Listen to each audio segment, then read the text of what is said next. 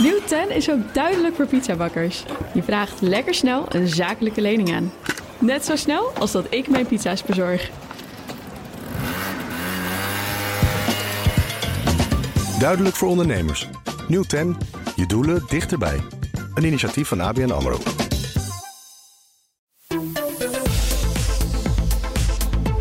Staakt het vuren in de oorlog tussen Israël en Hamas is op dit moment niet het juiste antwoord. Zo liet eerder Netanyahu weten, maar nu ook een woordvoerder van het Witte Huis. Ja, Hamas zou vooral bij zo'n bestand profiteren, zo denken beide huizen. Bij ons is buitenlandcommentator Bernard Hammelburg en Europa-verslaggever Geert-Jan Haan. Goedemorgen. Goedemorgen. Goedemorgen. Nou, Bernard, vorige week drong de Amerikaanse buitenlandminister Anthony Blinken nog aan op een humanitaire pauze. Ja, sinds die uh, grondoorlog, ook al noemde de Israëli hem zelf niet, uh, humanitaire pauze is geen optie meer, denk ik. Nee, maar er zijn wel momenten nu gelukkig waarop die uh, vrachtauto's door kunnen. Dat groeit langzaam en te langzaam, maar daar gaan er wel meer doorheen. Dus dat, dat en hoe je het noemt, noem je het of dat nou een gevechtspauze is of gewoon even een hele korte onderbreking aan de grens. Uh, er wordt bovendien aan die grens niet gevochten, hè, dus het kan ook makkelijk. Uh, dus dat, dat, dat gaat de goede kant op. Maar er spelen nog een paar andere dingen. Ja. er zitten aan de Gazaanse kant een hele groep uh, uh, mensen met dubbele nationaliteit, onder andere Amerikanen, maar bijvoorbeeld ook Thais, een hele, en uh, die, die willen eruit. en iedereen vindt ook dat dat moet, maar dat wordt voortdurend door de door de Egyptenaren tegengehouden. Omdat die als de dood zijn, dat daar dan een stroom Hamas niks meekomt. Ja. ja, en, da en dat, dat is echt wel een, een drama. Want ja, die mensen die kunnen er niks aan doen. Die hebben ook het recht om eruit te gaan. Daar wordt ook door, door alle landen, ook door Biden bijvoorbeeld, uh, maar ook door, door de, de Thaise regering voortdurend op gehamerd. Maar dat lukt maar niet. Uh, het goede nieuws is dat uh, Israël wel de, de internetverbinding heeft hersteld. Mm. Die hadden ze een tijdje afgesloten. Ja. Uh, dat is benadering, dat is eigenlijk een, een, een, ramp ook voor gewone communicatie over het functioneren van ziekenhuizen, uh, machines en apparatuur in ziekenhuizen. Ja. Dus dat is het goede nieuws. Dat is het goede nieuws, maar wacht even, de humanitaire pauzes waar we dan op doelen. Dat humanitaire gaat ook over het brengen van hulp. Ja. Het zorgen dat er goederen komen, dat er brandstof is, dat er elektra is voor de ziekenhuizen, uh, dat er tijd is om, om doden na de bombardementen te, te ruimen. Is die tijd er?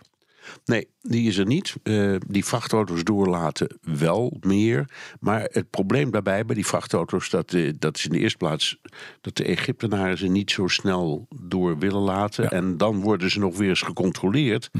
Allemaal door de Israëlische douane. Ja. En die kijkt of er behalve voedsel en verbandmateriaal enzovoort.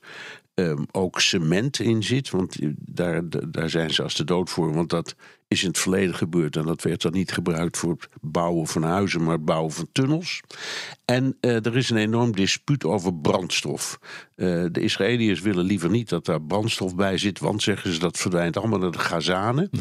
En die gebruiken dat dan uh, voor het airconditioningssysteem in, ja. in die tunnels, of ze gebruiken het voor het lanceren van raketten.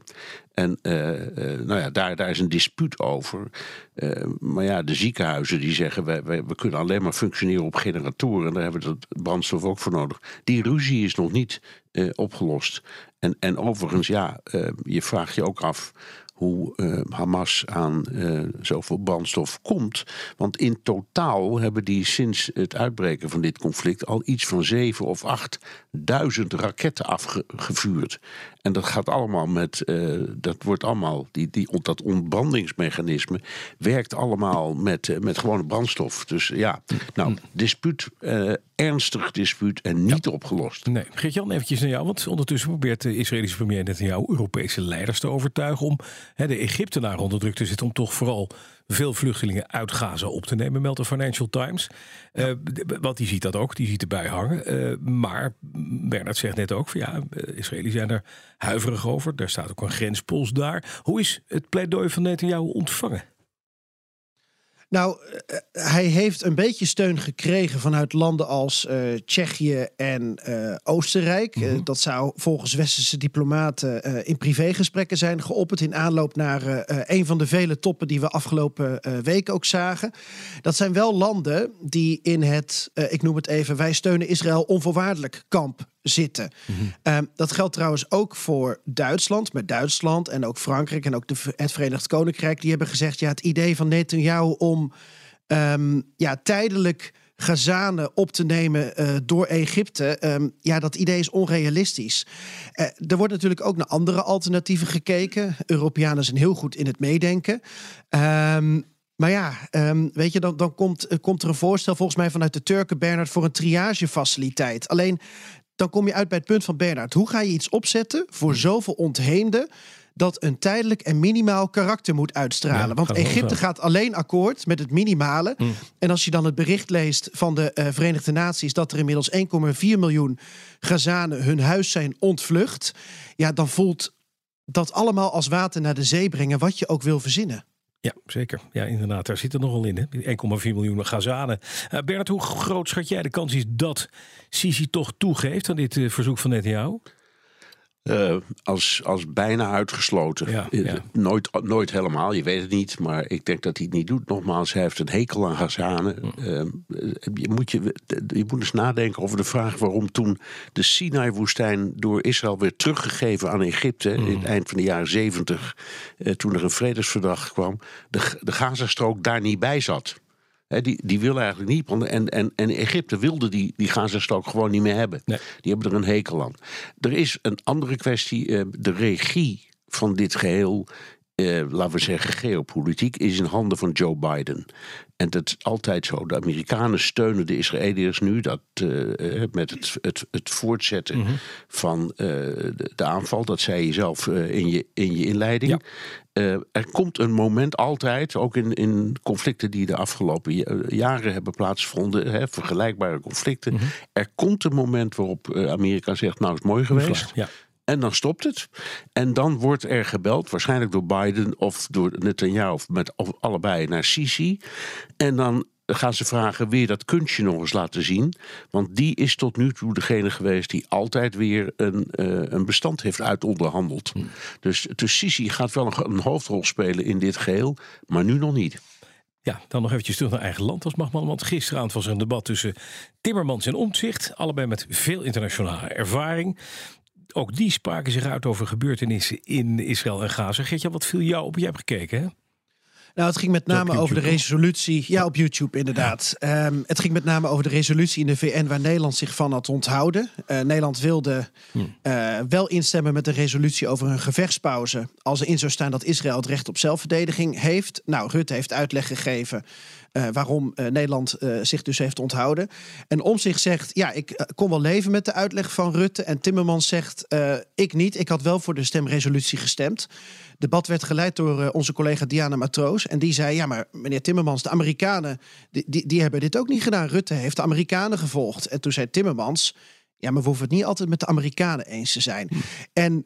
Um, wat me vooral opviel, Bas, en ik ben ook benieuwd of Bernard dat ook zo ervaart. Het, het is een van de weinige gesprekken de afgelopen drie weken over Israël geweest.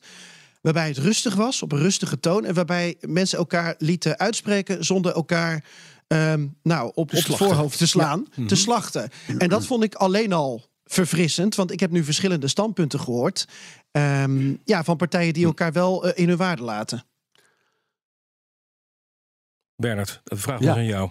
Ja, oh, de vraag, oh, de vraag was. Ja, nee, ik, ik ben het ermee eens. Ik heb het ook gezien. Het, het hele debat was, het was überhaupt een interessant debat, omdat de toon uh, niet alleen hierover, maar eigenlijk over alle andere onderwerpen waar ze het ook waar ze niet over eens werden, uh, zo, zo prettig was, zo beschaafd was. En hier heb je denk ik als kiezer best wat aan. Als je zegt, hoe liggen die standpunten nou? Um, je, je zag ook, en ik meen, weet niet meer zeker, maar ik meen dat Omtzigt ook, ook benoemde, dat ja, die algemene vergadering van de VN, daar heb je niet zoveel aan. Dat heeft, dat heeft verder geen enkele uh, betekenis. Het is alleen maar symboliek. Um, en het zou goed zijn uh, als uh, bijvoorbeeld uh, de zaak werd voor, voorgelegd aan het strafhof, dat is dat trouwens al mee bezig, om daar ja, zeg maar, iemand op de klus te zetten om, om, om de, de, de redelijkheid van al dit soort dingen uit te zoeken en af te zien van, van, van dit soort resoluties.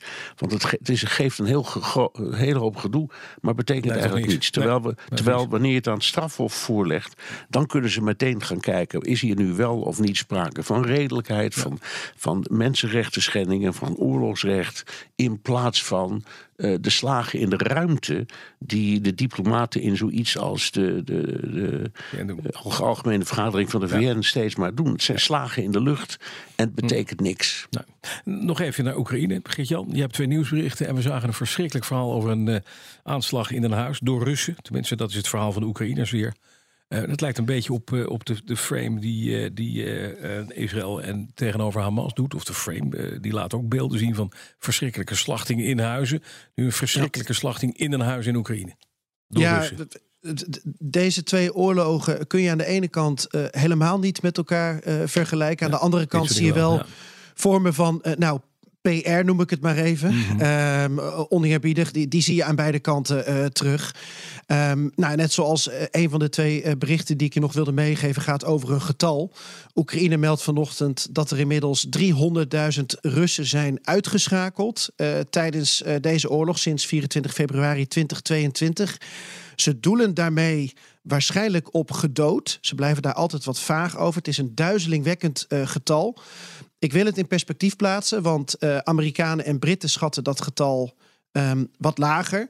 Maar ook als je uitkomt op 200.000 doden, dan is dat natuurlijk te bizar uh, voor woorden, zoals de Britten eerder melden. Hm. Uh, en punt twee is dat premier Rutte heeft aangegeven in een nogal raar uh, filmpje met Zelensky van zeven minuten op de sociale media. Dat hoef je niet per se te kijken van mij. Um, heeft hij gezegd dat er uh, F-16's naar Roemenië gaan over twee weken.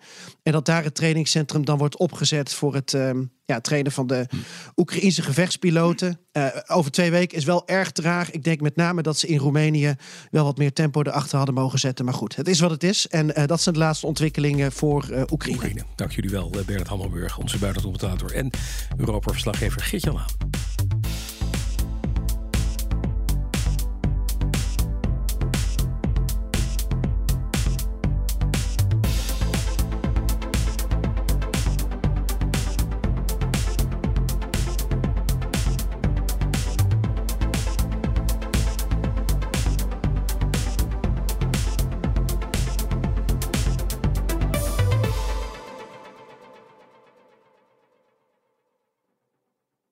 Nieuw 10 is ook duidelijk voor pizzabakkers. Je vraagt lekker snel een zakelijke lening aan. Net zo snel als dat ik mijn pizza's bezorg. Duidelijk voor ondernemers. Nieuw 10, je doelen dichterbij. Een initiatief van ABN AMRO.